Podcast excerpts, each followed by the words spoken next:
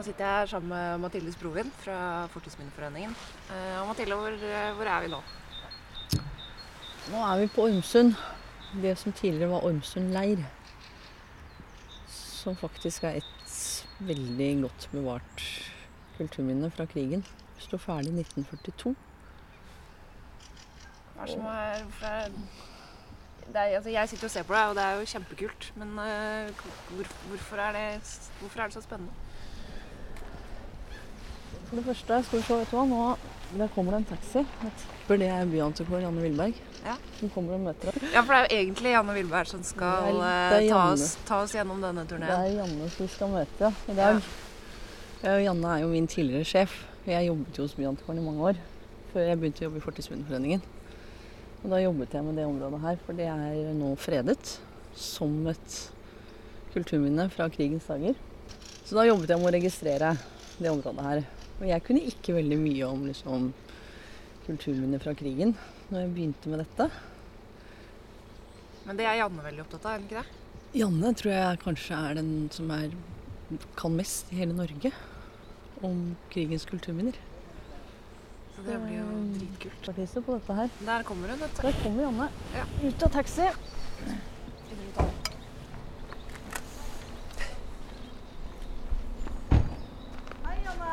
Nei, det er helt sant. Vi får ikke hilse heller. Nei, nei, det får vi heller ikke, vet du. Ikke hilsing, ikke noe klem. Nei, de har så stramme regler. Ja. ja. Mm. Jeg tenkte kanskje vi kunne gå litt rundt, og så Ja. Når du kommer inn i en uh, militærleir, ja, hva møter det deg da? Jo, da møter det deg vakthus. Og det har vi jo her fortsatt når vi kommer inn uh, på høyre hånd. Og så må man tenke seg at det har vært port, og det har også vært skilderhus uh, her. Og skilderhus er jo altså sånn enkeltmannsbod, hvor den stakkars vaktsoldaten kunne trekke inn hvis det var dårlig vær. og så kommer man rett inn på det som du kan kalle en tradisjonell appellplass, altså en oppstillingsplass for militære, eh, militært personell. Eh, og for denne leiren består egentlig av én forlegningsdel. Den ligger på venstre hånd når vi kommer her. Og den er, eh, der er består av fem forlegninger med saltak, eh, og som egentlig ser ut som litt store villaer, som ligger pent plassert i et eh, grønt område.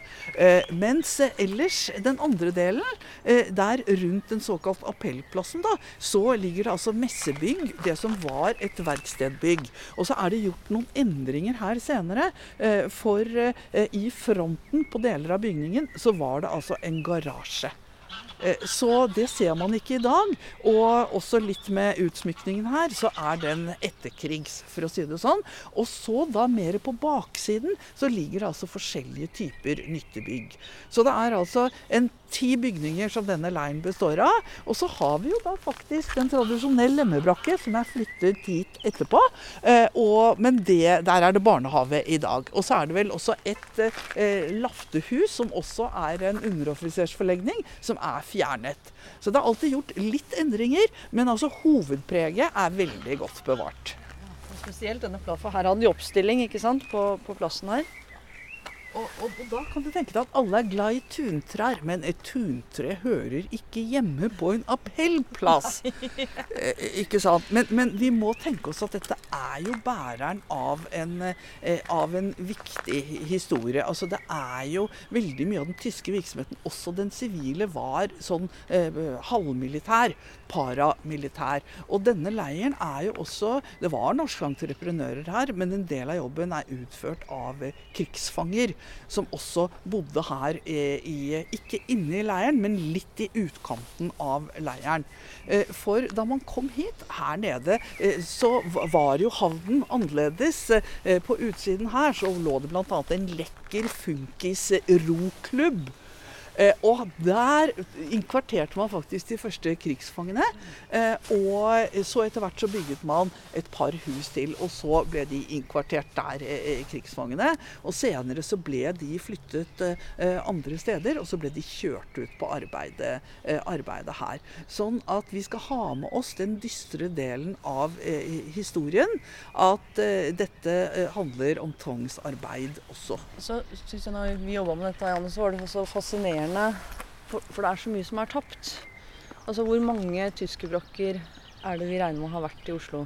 Ja, vi regner med 1400 tyskerbrakker og bygninger. For det var noen få murbygninger blant det. Og så står vi tilbake med kanskje 50 eh, som er bevart. Og det er derfor denne tyskerleiren, Ormsund leir, er så viktig. For det er den eneste gjenværende av 56 tyskerleire i Oslo.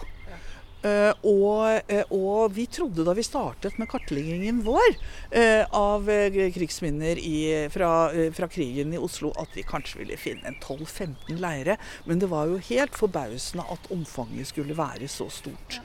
Og det tyske nærværet var i det hele tatt veldig sterkt. Sånn at, ja. ja. ikke sant? For jeg tenker det, det området her, altså Jeg har ganske god fantasi, men jeg klarer ikke å se det for meg. Men liksom hele Ekebergsletta var jo besatt. Hele Kongsveien tyske Nå har vi altså tyske ærekirkeskolen, Er jo, der er jo trappeanlegget delvis tilbakeført. Men den derre Og Sjusjøya var vel også tysk, under tysk kontroll. Altså hele dette området var jo mer eller mindre liksom befestet. Eller blir det, det blir ikke en overdrivelse å si det? gjør det? Nei, det er det sterkest befestede området i Oslo under andre verdenskrig. Eh, både pga. det store batteriet oppe i Ekebergåsen, men et batteri kommer ikke alene. Det var flere radiostasjoner, plotterstasjoner, eh, radarstasjon.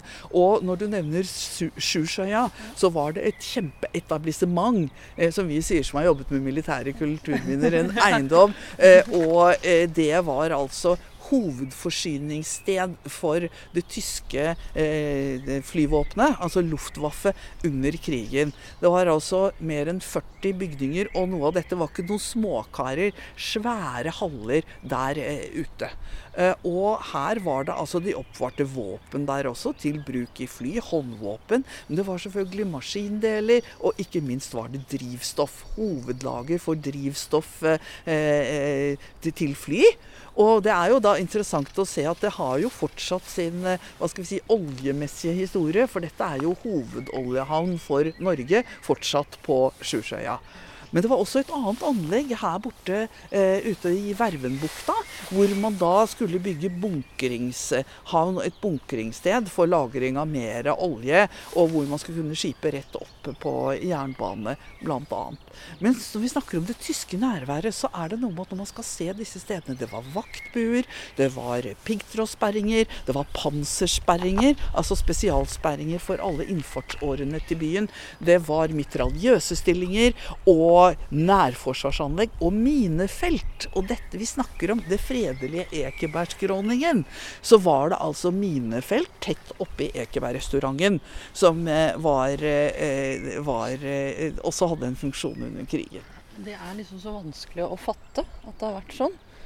Men jeg tenker Men denne leiren skilte seg litt ut, for den er jo altså Nå er det jo Vi er omgitt av sveitservillaer fra 1800-tallet. Og det var med hensikt at de la den innimellom alle villaene, var det ikke det? Fordi den ikke fordi Som en beskyttelse mot luftangrep? Eller hvordan Vi vet jo ikke dette, men vi vet at tyskerne også tenkte kamuflasje når de bygget. Og denne leiren har fått et tilpasset utseende, og med den sedvanlige tyske grundighet Det var ingenting som skjedde tilfeldig rundt det. Og vi kaller jo også dette for en høystatusleir, og det kommer av at eh, disse eh, bygningene er gjennomgående bedre bygget. De ser litt annerledes ut enn de såkalte lemmebrakkene, som altså altså var prefabrikkerte brakker som du kunne reise på en fire-fem timer. Og det er det som mange av oss har i hodet vårt som det typiske tyske brakke. Eh, det er de enkle lemmebrakkene. Men her er standarden høyere, og det kan være fordi at det var marinen som anla dette. For andre steder i Norge så vet vi at marinen hadde ganske høy standard på en del av sine etablissementer. Ja, for hvem var det som, var det som bodde her? Eh, her var det underoffiserer eh, som bodde. Men underoffiserer den gangen, det var et veldig komplisert system av grader. Det var liksom flere typer av underoffiserer. Og eh, noen av husene her, for det er jo fem av disse husene som var forlegninger, noe var for de litt høyere underoffiserene, og så var det de som var mer befalingsmenn, som man kaller det, som hadde, det, hadde de andre. Og det kan vi se av hvor mange mann som det kan ha bodd på rommet. Så, men, men vi vet også at det kunne bo opptil 300 personer her, og da har de fylt opp stort sett alle rom, og med mer enn to køyer, eh, kan man si. Det er kanskje trippelkøyer også. Men jeg tenker Det som, er, som jeg syns er mest fascinerende her, fordi at bak her ligger det en bunker. To bunkere som ligger gravd ned i terrenget der. Skal vi gå og titte? Ja. Og da, Det er vel, egentlig er dette dekningsrom. ja, det er dekningsrom hvor de satt under fly, eh, flyangrep, Ja, ikke sant? ja. Ja. Men de er veldig, eh, veldig typiske. Og den samme typen det ble altså bygget i stort monn eh, rundt omkring, ikke bare i Oslo, men andre steder også. Det var enkle konsepter. Prefabrikkerte betongmoduler, nærmest som litt eh, overdimensjonerte kloakkrør. Eh, og som da ble satt sammen, og så ble de mer eller mindre overdekket med jord. Og noen ganger ble de gravet et stykke ned eh, også. Så det at vi da eh, har fredet dette anlegget hvor disse inngår, det er jo også for å ta vare på en historie som knapt er synlig i byen, men som altså var veldig tydelig mange steder. Ta Slottsparken, Studenterlund osv. Så, videre, så var det jo massevis av dekningsrom. Og også en av denne typen her. Og det som vel avslører det mest, er det støpte inngangspartiet med Ikke sant? Vi kan gå rundt på hjørnet, for da kan vi kanskje Ja, du ser det jo veldig godt her. Ja, for det ser jo bare ut som et svært lokkerør med en dør. ser du at det er modulene også. Og så ser vi òg da at eh, det med å ha kontroll på naturen faktisk er ganske viktig. Her burde man sannsynligvis ha fjernet de trærne som står her, fordi at det har med skjøtselen av eh, dette anlegget å, eh, å gjøre. For, eh, for det var jo en kategori kulturminner vi fant opp i arbeidet med landsvernplan for Forsvaret, var det såkalt militærhistoriske landskapet. Eh, Og de er det veldig mange av rundt i, eh, i Norge. Det er altså anlegg som ikke er fredet, og hvor objektene er viktige i seg selv, men hvor landskapet er veldig historiefortellende. Og da handler det egentlig om å sørge for at ikke naturen tar det tilbake før tiden. Og det holder i mer enn 100 år til, mange av disse stedene. Og det er jo det som Riksantikvarens prosjekt i 2015 også bidro til, å ta frem en del av disse militærhistoriske landskapene. Og da den lykkelige kombinasjonen av eh, naturkvaliteter og kulturminnekvaliteter. For dette er jo egentlig bygget for evigheten. Og det, Ja, du ser, det ikke, du ser det ikke her. Men, men helt typisk altså et kloakkrør med én utgang eller inngang i hver ende. Og inni dette så var det altså på hver side en benk. Veldig enkle forhold. Og de, eh, en del steder var det faktisk også et eh, toalett. Vi kan jo tenke oss eh, hva som skjer når det er luftangrep. Da er folk redde. Og hva skjer da? Jo, da må mange på do. Så ja. Det ble etter hvert standard utrustning. Det høres fornuftig ut. ja, ikke sant? Men det er jo det det handler om i stor grad. Eh, sporene fra andre verdenskrig er jo typebyggeri. Og her står vi jo faktisk i noe som det er litt mer atypisk, fordi at det ikke er det som jeg nevnte tidligere, disse, eh, disse lemmebrakkene. Men det er regionale forskjeller. For kommer du på Vestlandet, eh, og til dels på Sørlandet, så er det altså bygningene De er da ser ut litt som sånne funkis-bungalower. Eh, med et eh, slakt tak, og der har man ikke Østlandet stående panel, men man har liggende panel, for, eksempel. Og det er en historie som ikke er utforsket om hva skal vi si, de regionale forskjellene. Ja, for det, fordi altså på, på Vestlandet så har du i utgangspunktet liggende panel, for det passer bedre i forhold til klimaet. Det er mye regn, og regnet skal av fort. Så de tilpassa seg altså den regionale byggeskikken, kan man, nest, kan man si det? Ja, det er, har vi helt holdepunkter for, men premissene for det, det vet vi faktisk ikke. Her er det mye eh, snacks for forskere, faktisk. Det er, det er jo et skikkelig dølefelt, da. Eh, ja, ja. Og, og så, så, jeg lurer litt på hva jeg skal bruke pensjonisttilværelsen til. Kanskje blir det å gå inn i eh, det store arkivet til organisasjon TOT, som jo var den største av de tyske byggherrene. Eh, og, og, det er jo haugevis av hyllemeter å, å, gå inn i det, eh, og, men det tar eh, tid. Bare bruksanvisningen er på 74 sider, og der konkluderer man med at egentlig så er det ikke hode og hale på det.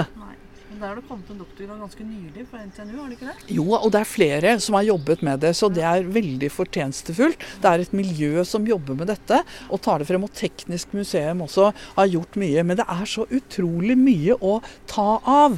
Sånn at, eh, at jeg sitter jo og sysler litt på, på kveldstiden med å skrive det militære brakkebyggeriets historie i Norge. Eh, og, og hvorfor gjør jeg nå det? Jo, det er jo fordi at det som man ikke skriver ned, det fins ikke. Og det det er nesten ikke skrevet noe om dette. Det er skrevet om sosiale brakker, og det fins heldigvis noen utrolig grundige tyskere da, som har skrevet doktorgrader om noen av disse tilgrensende temaene. Så, så da vet vi bakgrunnen. Registrerte bygningene her, så bodde jo disse gamle sjømennene her fortsatt. Ja, ja vi sånn, traff dem. Ja, Broket forsamling, så satt der jo helt herlig. Men da følte jeg liksom det var på en måte så riktig at det var krigsseilerne som fikk lov til å ta over her. For de var jo ganske skada, de fleste av dem. Men eh, de hadde fint. Så fikk de et fellesskap? Ja, de fikk, ja, de fikk jo et fellesskap her som var litt sånn utafor samfunnet. Men jeg tror i grunnen det var helt greit. Ja, Det er jo egentlig utrolig, fordi at dette anlegget det ligger altså da eh, ved siden av eh, Oslo havn og ved siden av Bekkelaget skole, mm. som det heter. Og det ligger da på, eh, ved Mosseveien på vei ut av eh, Oslo.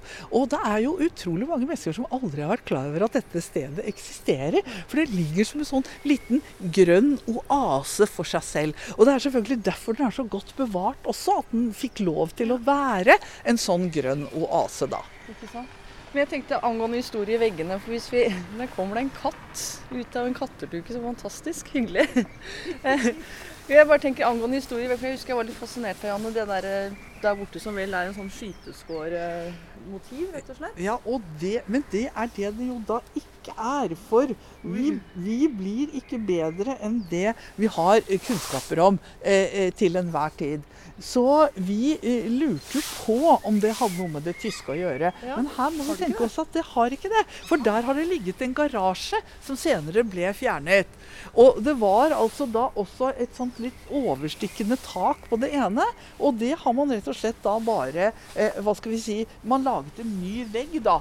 Eh, sånn. Men på baksiden så er det jo eh, Så er jo den gangen Den ligger bak det, eh, det Eh, veggen med skyteskårene. Ja, ikke sant? Fordi Den gangen er ganske karakteristisk, for det var at du skulle kunne gå tørrskodd fra, fra den ene liksom uh, inn til liksom messe, messebygget fra liksom, for Inni der er det bibliotek og sånt, vet jeg også. Ja. Det var vel det opprinnelig, ja. Det har jo vært verksted, ikke sant. Og, og det var da en, en åpen svalgang. Eh, og så ble det bygget eh, Her lå det jo da en, hvor det var direkte adgang fra garasjen og inn i det som var der. Rev man garasjen.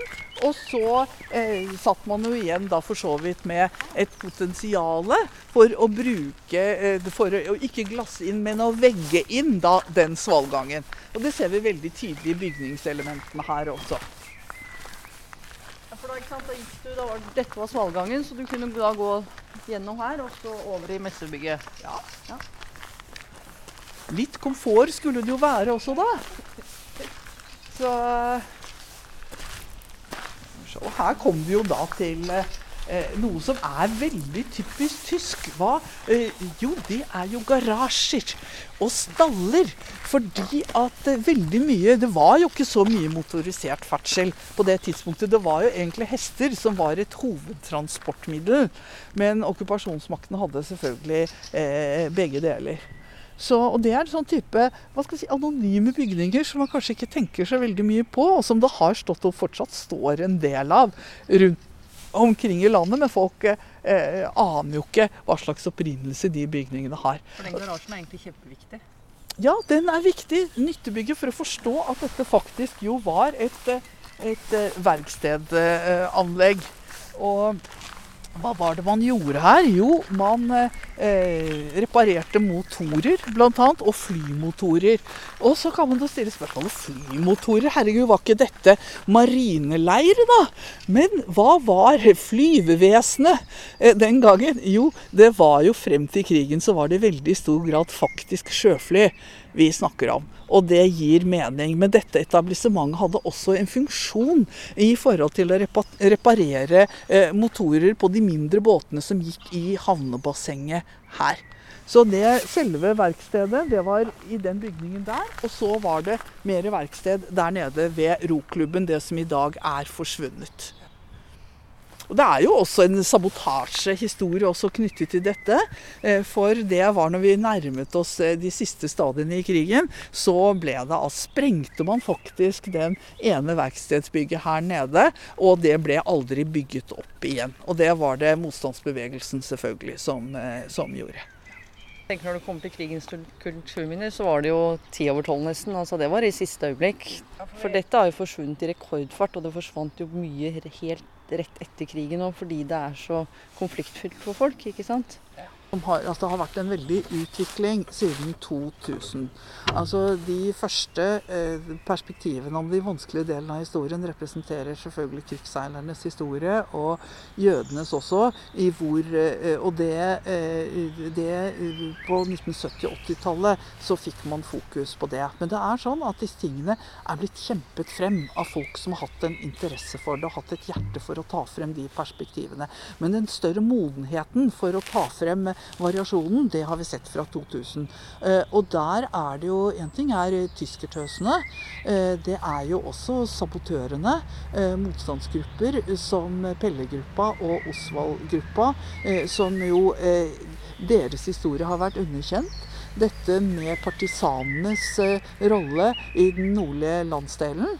Eh, dette med eh, NSB eh, og Vegvesenets infrastrukturvirksomhet, som jo er en ganske stygg historie, som er kommet frem med egne bøker i de siste årene, hvor Vegvesenet bl.a. hadde jo egne fangeleirer hvor krigsfanger døde som, som fluer. For det tenker jeg på, Janne, for alt dette her er den fellesnevner at det er liksom den politisk ukorrekte historien. Altså dette er til dels hvordan vi bygger landet etter krigen på det tyskerne etterlot seg.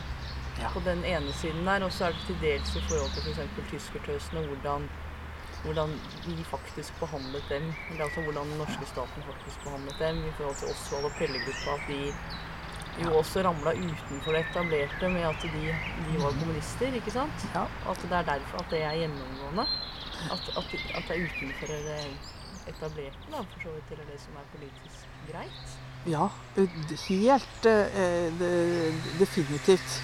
Eh, og det er nesten litt rart i ettertid å se at eh, det har hva skal vi si, et litt foreldet historiesyn har kunnet dominere så lenge. Men erfaringsmessig så er det 50-60 år du må ha som avstand i tid for å kunne ta tak i, i den, den, vanskelige historien. Og vi har jo hatt saker knyttet til Arkitektforeningens eh, internjustis etter krigen som fikk fryktelige følger for enkelte. Noe med Forfatterforeningens behandling av, eh, av eh, forfattere osv.